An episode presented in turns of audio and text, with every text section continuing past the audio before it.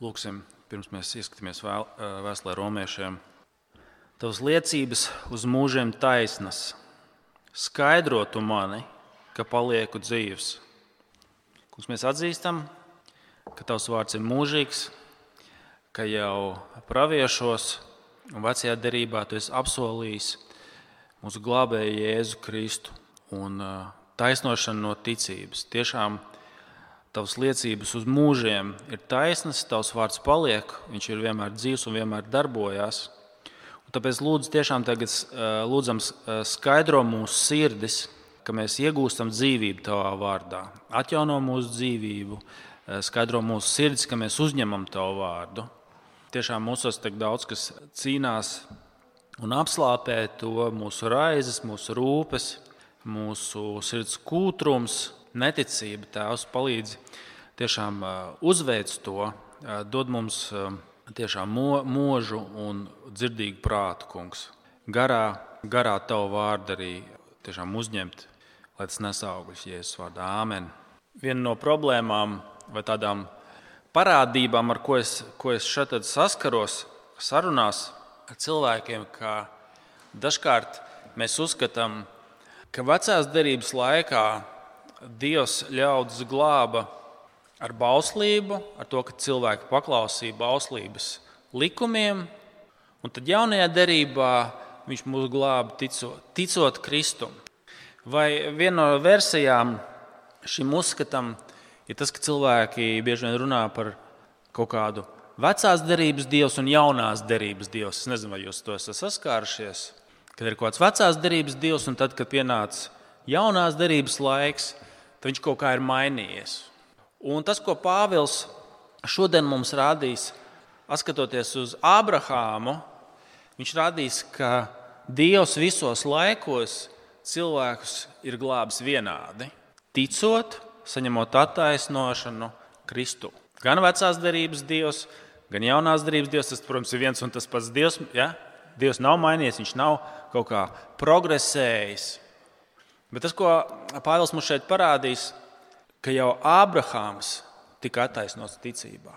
Un jūs redzēsiet, Pāvils rādīs trīs veidus sākumā, kā mēs netiekam attaisnoti, un arī kā Ābrahāms netika attaisnots. Kas ir vecās derības patriarchs, viņš netika attaisnots pirmkārt ar darbiem, otrkārt viņš netika attaisnots ar apgaizīšanu, Treškārt, viņš netika attaisnots paklausot bauslībai.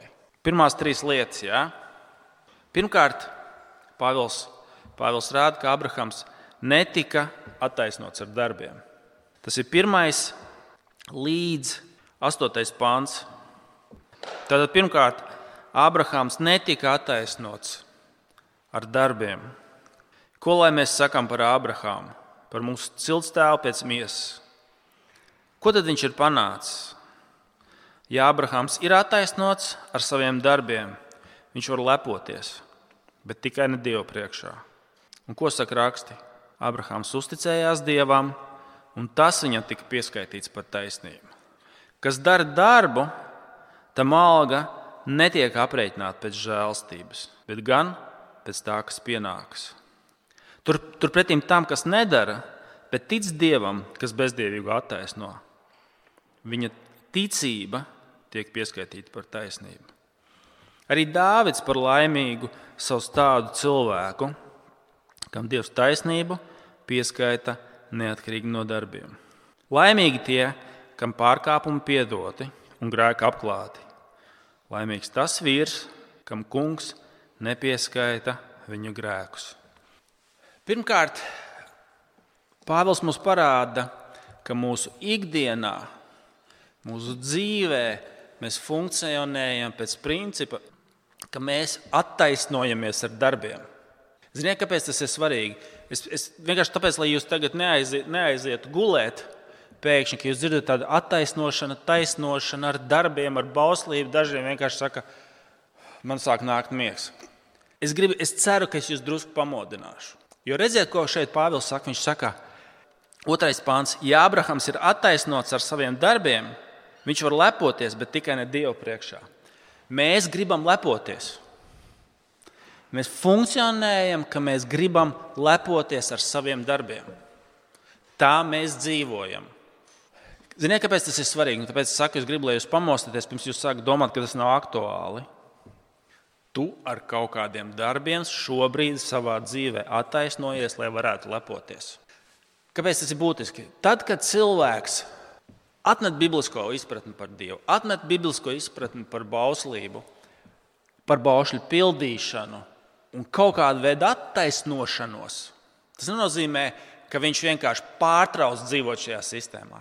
Tu, mīļais draugs, un tas varbūt tās vairāk ar skeptiķiem, bet arī jums, kristiešiem, ja tu gluži neesi no Marsa atlidojis, tu dzīvo Dieva pasaulē, tu esi redzējis Dieva līdzjūtībā, un tu nespēji funkcionēt bez šīs attaisnošanās. Bez iekšējas tiesvedības, vai es esmu labs vai slikts cilvēks. Tu vienmēr ved iekšēju tiesvedību, vai es esmu labs cilvēks. Tu vari to it kā nedarīt pēc dieva likuma, bet tu kaut kādu citu likumu izvēlēsies. Es gribu pateikt, tu neesi ārpus tā, par ko šeit Pāvils runā. Es, es agrāk es jau minēju šo piemēru, ja jūs esat to dzirdējuši, eh, esiet pacietīgi, piedodiet, varbūt kāds, kas nav dzirdējis. Arthurs Millers, kas bija Merlīnas Monroe viens no vīriem, dramaturgs, viņam viņš kādā no saviem darbiem teica tā. Viņš saka, ka es biju maziņš, es centos būt labs bērns. Kad es gāju skolā, es centos būt labs skolnieks. Kad es biju pieaudzis, es gribēju būt labs mīlnieks.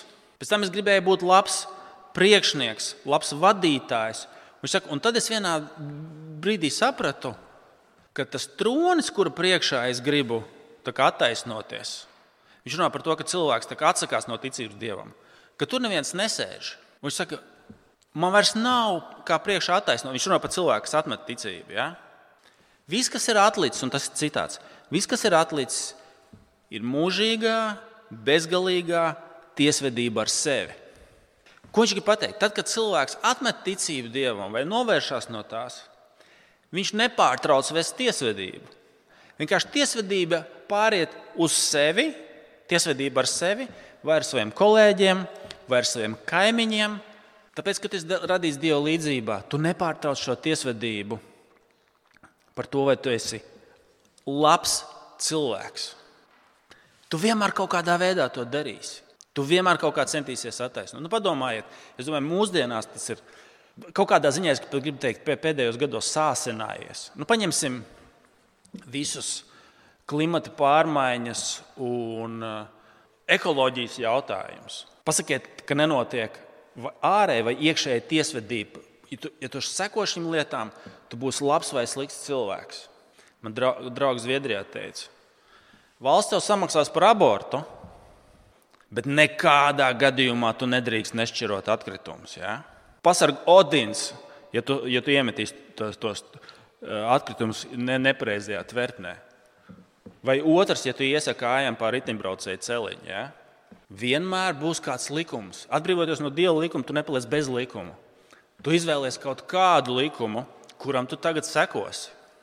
Tas vienīgais jautājums ir, vai teiksim, nu, mūsdienās teiksim, tie dzimuma, genderismu jautājumi. Ja? Es negribu nostāties vienā vai otrā pozīcijā, tas nav svarīgi šobrīd. Šobrīd tas, tas ko es gribu pateikt, tu vienmēr sekos kaut kādam likumam. Vai tu lieto pareizos vai nepareizos personu vietnieku vārdus?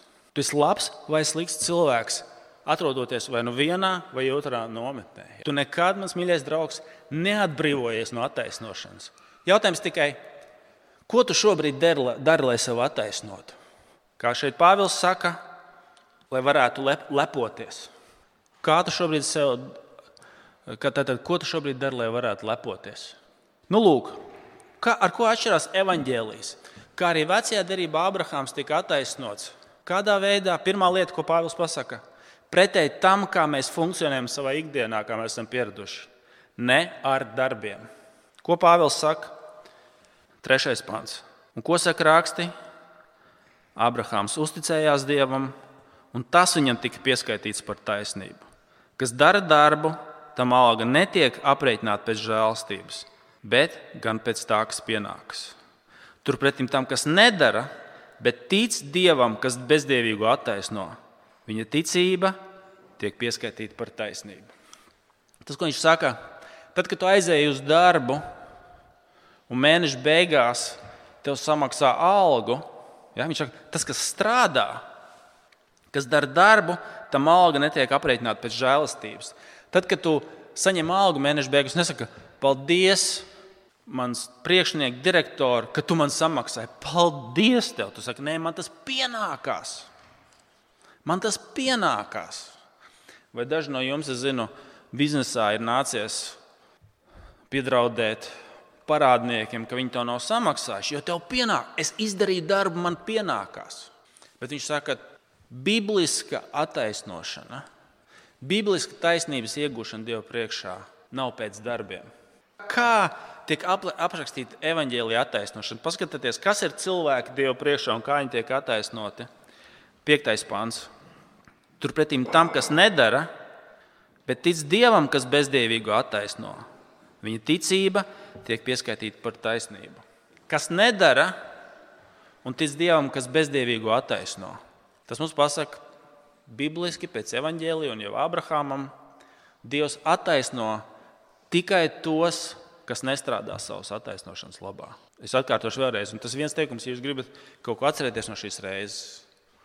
Evanģēlis mums pasaka, ka Dievs attaisno tikai tos, un nevienu citu, tikai tos, kas nestrādā savas attaisnošanas labā. Bet uzticam, uz, uzticās Dievam, kā, kā, kādam, ko viņš dara. Tātad piektais pants Dievam, kas bezdievīgu attaisno. Tas, kas grib saņemt attaisnošanu Dieva priekšā, tas nepaļaujas uz to, ko viņš ir darījis. Bet tic Dievam, kas attaisno bezdievīgo, tādā veidā sevi pasakot, es esmu bezdievs, bezdievs Dieva priekšā. Dievs attaisno nevis tos, kas strādā savas attaisnošanas labā, bet kas pasaka, es esmu bezdievs. Cilvēks, kas ir morāli bankrotējis. Tas ir labās ziņas morāli bankrotējušiem cilvēkiem. Un ziniet, kas ir? Mēs kā sakām, Ābrahāms, tālāk, vēlāk Dāvids. Apzināties, ko Dāvids to pašu saka. Pāvils paņem galveno vecās darbības patriārhu un galveno ķēniņu.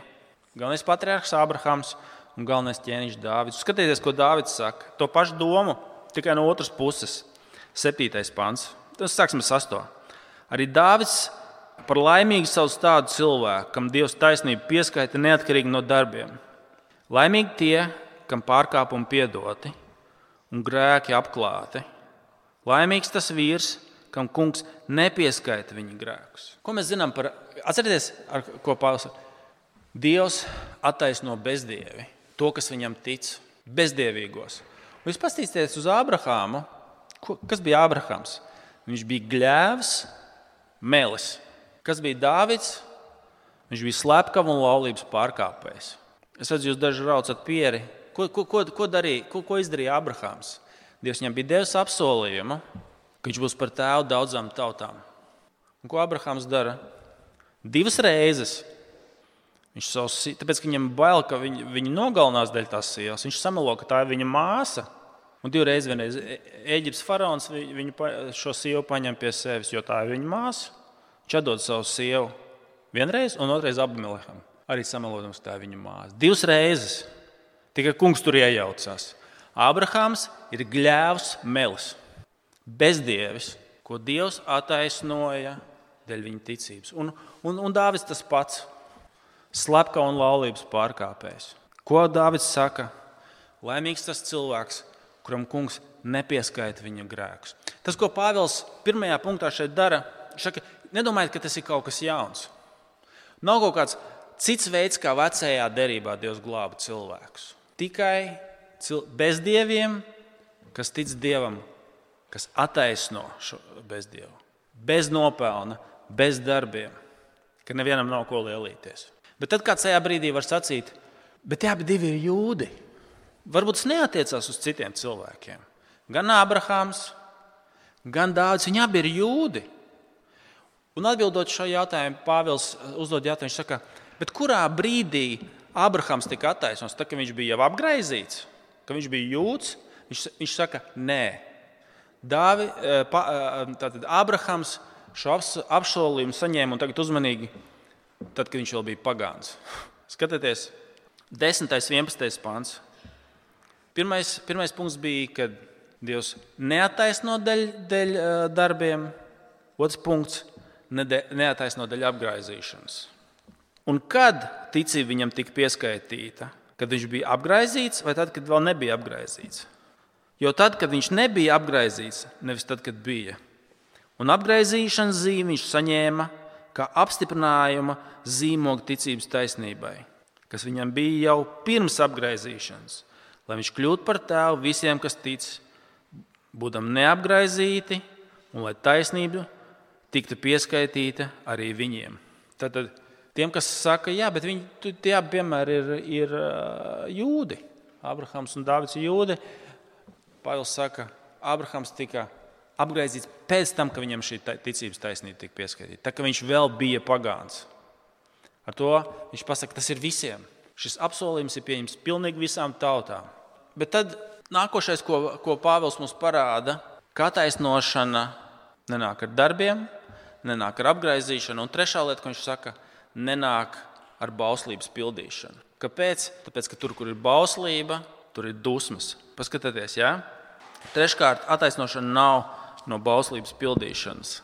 14. un 15. pāns. Ja mantinieki ir tie, kas paļaujas uz bauslību, tad ticība nedod neko, un apsolījums ir atcelts. Bauslība rosina dusmas, bet kur nav bauslības, nav pārkāpumu. Tādēļ mantinieki ir tie, kas ticībā paļaujas uz Dievu, lai mantojums būtu žēlastības un apsolījums būtu drošs visiem pēcnācējiem. Ne tikai tiem, kas zem bauslības, bet arī tiem, kas Abrahām ticībā. Viņš mums visiem ir tēvs. Ko viņš saka? Trešā lieta - ar bauslības pildīšanu nevar cilvēks saņemt attaisnošanu. Ko viņš saka? Tur, kur ir bauslība, tur ir dusmas. 15. pāns - bauslība rosina dusmas. Tur, kur ir neizpildīta bauslība, tur pretī mums ir dieva dusmas. Es jums došu piemēru, ja jums, ja jums arī, ziniet, kā liekas, nu, vai, tie, vai tiešām tas tā ir? Vai varbūt tās kāds saka, nu nē, es, es, kā, es neuztraucos par Bībeles bauslību. Man tas vispār nerada nekādas uh, problēmas. Es par to nedomāju. Tā nav aktuāla manā dzīvē. Man tas nav vajadzīgs. Atcerieties, ar ko mēs sākām. Ja tu atmet Bībeles baušļus, tu pieņem vienmēr kādus citus. Tad, kad cilvēki atsakās no dieva likuma, viņi izdomā kaut kādus citus likumus. Viņi izdomā citus likumus, kuriem seko dusmas par to nepildīšanu. Tas piemērs, ko es tikko minēju, ja? neiedomājies nešķirot atkritumus. Ja? Es tagad nerunāju par to, ka ne, vajag, vajag nešķirot, bet, ja, ja tu to nedarīsi, tu būsi slikts cilvēks. Jūs neatcerieties Grētu Turnbergu, kad eh, bija apvienoto nāciju organizācijā un uzrunāja, How dare you! Neatcerieties, YouTube tur, kā jūs iedrošināt. Ir kaut kāda bauslība, un tie, kas to nepilna, nepilda, saņems smagas dusmas. Cits piemērs ja, par šiem personu vietnieku vārdiem. Ies, iesērčot YouTube, ja, personal pronouns, kas notiek, ko, ko cilvēki dara, kad, kad tas netiek ievērots. Tas izraisa dusmas. Cilvēki rada kaut kādu bauslību, kuras nepildīšana izraisa dusmas. Stop oil. Ja, tikko pavisam nesen uh, Britu muzejā, kur Van Gogha saulespuķis tika aplietas ar, ar, ar tomātu zupu. Bauslības nepildīšana izraisa dusmas. Tu vari atmest biblisku bauslību, bet tu kaut kādu bauslību izvēlēsies. Tu kaut kādai bauslībai sekos, un dusmas saņems tas, kas viņu nepilda. Un zini, kur vienīgā ir, kur ir starpība? Kā es sacīju šeit, bauslība izraisa dusmas.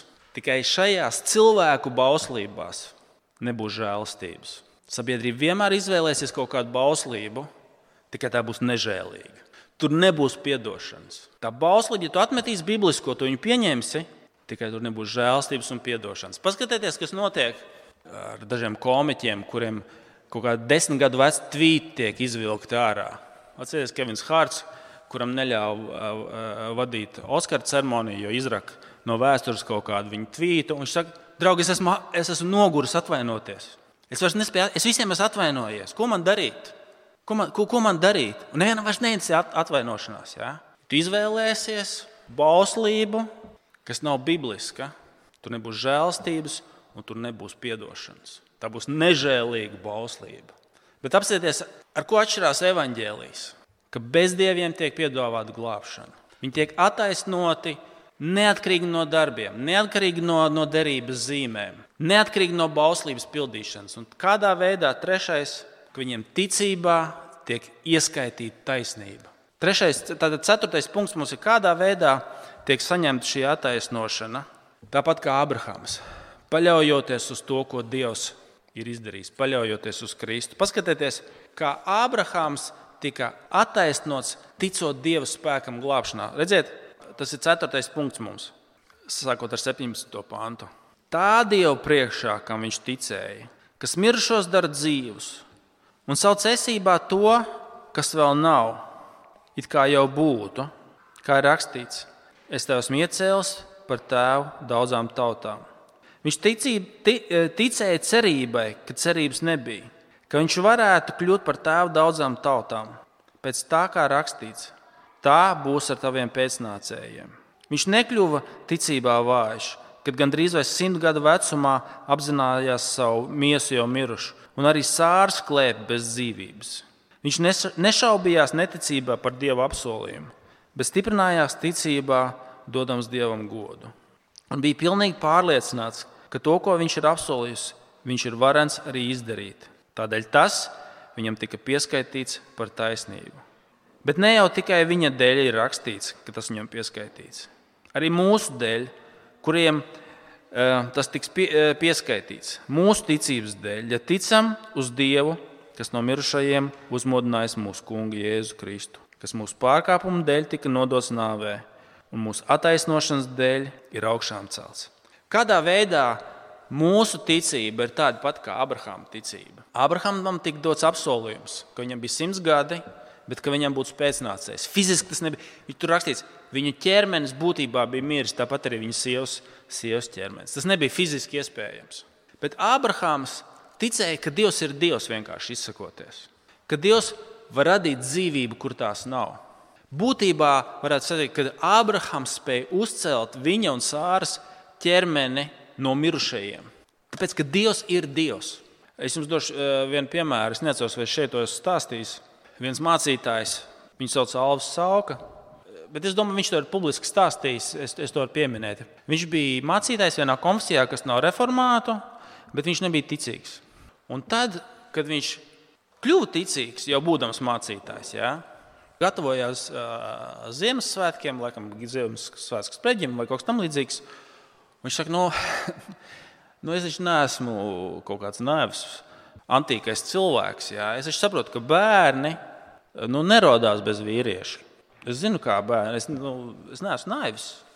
Nu, kā tā, bez, bez kā Marijai tas jēzus varēja piedzimt? Viņš saka, es sāku domāt, nu, Dievs, kurš taču radīja dzīvību no nekā, kurš radīja šo pasauli vienkārši runādams un viss radās.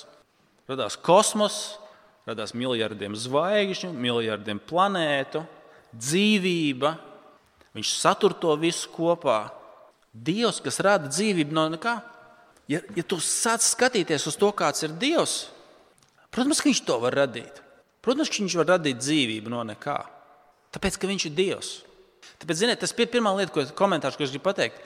Kristīga ticība nav iracionāla. Tā ir racionāla ticība, skatoties uz to, ka Dievs ir Dievs. Un Ābrahams te mums sasīs tieši tāpatās. Apstāties, kā mums sacīts, ka Dievs 17. pāns. Tā Dieva priekšā, kam viņš ticēja, kas mirušos dara dzīvus un sauc esībā to, kā vēl nav. It kā to, kā vēl nav, it kā tas jau būtu. Viņš skatījās uz Dievu, kā tas ir, un, un viņš ticēja Dievam. Racionāli, ka Dievs ir spējīgs radīt dzīvību. Un tad tas otrs jautājums radās. Starp citu, viens maziņš komentārs. Arī kādreiz runāsiet ar saviem draugiem, kas ir ateisti, un saka, ka dzīvība ir radusies nu, nejauši, bet kur iebilst tam, ka Jēzus varēja piedzimt, tā kā tas Bībelē aprakstīts, vai ka Jēzus varēja uzcelties no mirušajiem, jūs varat viņam atbildēt. Ja dzīvība vienreiz varēja rasties nejauši, kāpēc viņa otrreiz nevarētu rasties nejauši? Pēc viņa pašu noteikumiem. Viņu, pašals, paša, viņu pasaules, paš, tātad pašu pasaules uzskatā. Viņi kaut kad radās nejauši. A, kāpēc tas vēlreiz nevarētu notikt? Viņu pašu pasaules uzskatā tas ir iespējams. Kāpēc, jūs, kāpēc pēkšņi tas vairs nav iespējams? Nekad? Arī var, var ja? arī pēc, pēc ateistiskā materiālistu pasaules uzskata tas ir iespējams. Tas ir tāda neliela atkāpe. Bet kā tad mūsu ticība ir tāda pati kā Abrahamam, kas ticēja, kas no miruša ķermeņa var radīt dzīvību? Mūsu ticība ir tāda paša, kā ticēja Abrahams, jo mēs ticam, ka arī Kristus ir augšām celts. Mūsu ticība tāda pati kā Abrahamam, jo redziet, te rakstīts, tas ir rakstīts arī mums 23, 24, 25 pāns. Bet ne jau tikai viņa dēļ ir rakstīts, ka tas viņam pieskaitīts, bet arī mūsu dēļ, kuriem tas tiks pieskaitīts, mūsu ticības dēļ, ja ticam uz Dievu, kas no mirušajiem uzmodinājis mūsu kungu Jēzu, kas mūsu pārkāpumu dēļ tika nodots nāvē, un mūsu attaisnošanas dēļ ir augšām celts. Kā Abrahams ticēja, ka Dievs uzceļ mirušos, un viņa gadījumā tas bija viņa mirušā ķermeņa uzcelšana, ka viņam var būt bērns un viņas sievas. Tāpat arī mēs ticam, ka Kristus ir uzcelts no mirušajiem, kas tika nodots nāvē mūsu pārkāpumu dēļ. Un, lai mūs attaisnotu, augšām celts, mums šī ticība tiek ieskaitīta pa taisnību. Ziniet, kā tas salīdzinājums, kas man tagad nāk prātā, es ceru, ka tas nav pārāk tātad, sāpīgs, pārāk, pārāk sas, saskanošs ar mūsu realitāti. Jā. Iedomājieties šajā ziemā, jā, kur, kur mūsu apkurss rēķini, gāzes rēķini, dažam labam tur teiksim, 500 eiro, nav naudas, par ko samaksāt. Un siltums ir atslēgts. Tu sēdi mājās, klabinādams zobus, jo tev nav par ko samaksāt. Tev nav, nav sava. Ja? Tāpat arī šeit mums nav sava. Mums tikai mūsu grēki, mums nav sava taisnuma. Ir tikai sots un dusmas. Bauslība raisina dusmas. Ja? Sēdi mājās un atnāk, atnāk tavs draugs un saka, ko, ko tu te klabini? Viņš saka, man nav. Tu saki, man nav. Par mani ir sots, man ir atslēgts siltums. Draugs saka, labi, es eju, es, es tavā vietā samaksāšu. Es tev ieskaitīšu to, kas tev nav. Kā tu zināsi, ka sots ir apmaksāts? Kā tu to zināsi? Kā zinās, ka viņš tiešām ir pildījis savu solījumu un samaksājis to, ka tev ir ieskaitīts to, kas tas nav. Un šajā raksturvietā, šajā vienā nodaļā, deviņas reizes atkārtojas. Ieskaitīts, ieskaitīts, ieskaitīts, ieskaitīts, ieskaitīts, ieskaitīts deviņas reizes. Bibliski attaisnots tas ir tas, ka Dievs tev ieskaita to, kas tev nav, Kristus taisnumu. Viņš ir miris par taviem grēkiem un augšām celts tavai attaisnošanai. Un kā tu to zini, tad, kad tu sēdi un klabini zobus, ka par tevi ir sots par nemaksātiem rēķiniem? Kā tu vari zināt, ka sots ir izciests un samaksāts? Kad radiators silti paliek, sots ir noņemts, siltums ir atpakaļ ieslēgts, sots ir samaksāts. Tāpat arī mēs varam zināt, ka sots ir izciests un sots ir samaksāts, ka Kristus ir augšām celts mūsu attaisnošanai. Sots ir izciests. Tā kā tev paliek siltas baterijas, jā, radiatori, Tāpēc, kad sots ir samaksāts, tāpatās arī Kristus augšām celšanās, ka nāve ir izciesta, dusmas ir izciestas. Viņa augšām celšanās pasakā, ja tu tici viņam, tev tiek ieskaitīts viņa nopelns, un tu esi attaisnots, sots ir beidzies. Viņš ir augšām celts mūsu attaisnošanai. Nu, ko? Pāvils mums parāda, ka visos laikos Dievs nav attaisnojis cilvēkus ar viņu darbiem, dēļ viņu apgaizīšanas zīmes vecajā derībā, dēļ bauslības pildīšanas, jo bauslība rosina dusmas. Dievs attaisno ticot, ka viņš uzceļ mirušos, ka mēs ticam, ka viņš uzceļ mirušos un par Jēzu, kas ir augšām celts mūsu attaisnošanai. Tas ir visos laikos tā bijis, un arī tev šodien. Un, zin, kā, tu vari uzdot sev to jautājumu, kurā līnijā tu stāvi. Ir, div, ir divas līnijas, kur ir bauslība, darbi paklausīšana un sots, bauslība, darbi, paklausīšana, tas tad nepaklausība un, un, un dusmas vai sots, bauslība, darbi, nepaklausība un dusmas, vai stāvi, kur ir apsolījums, žēlastība, ticība un attaisnošana. Kurā līnijā tu stāvi?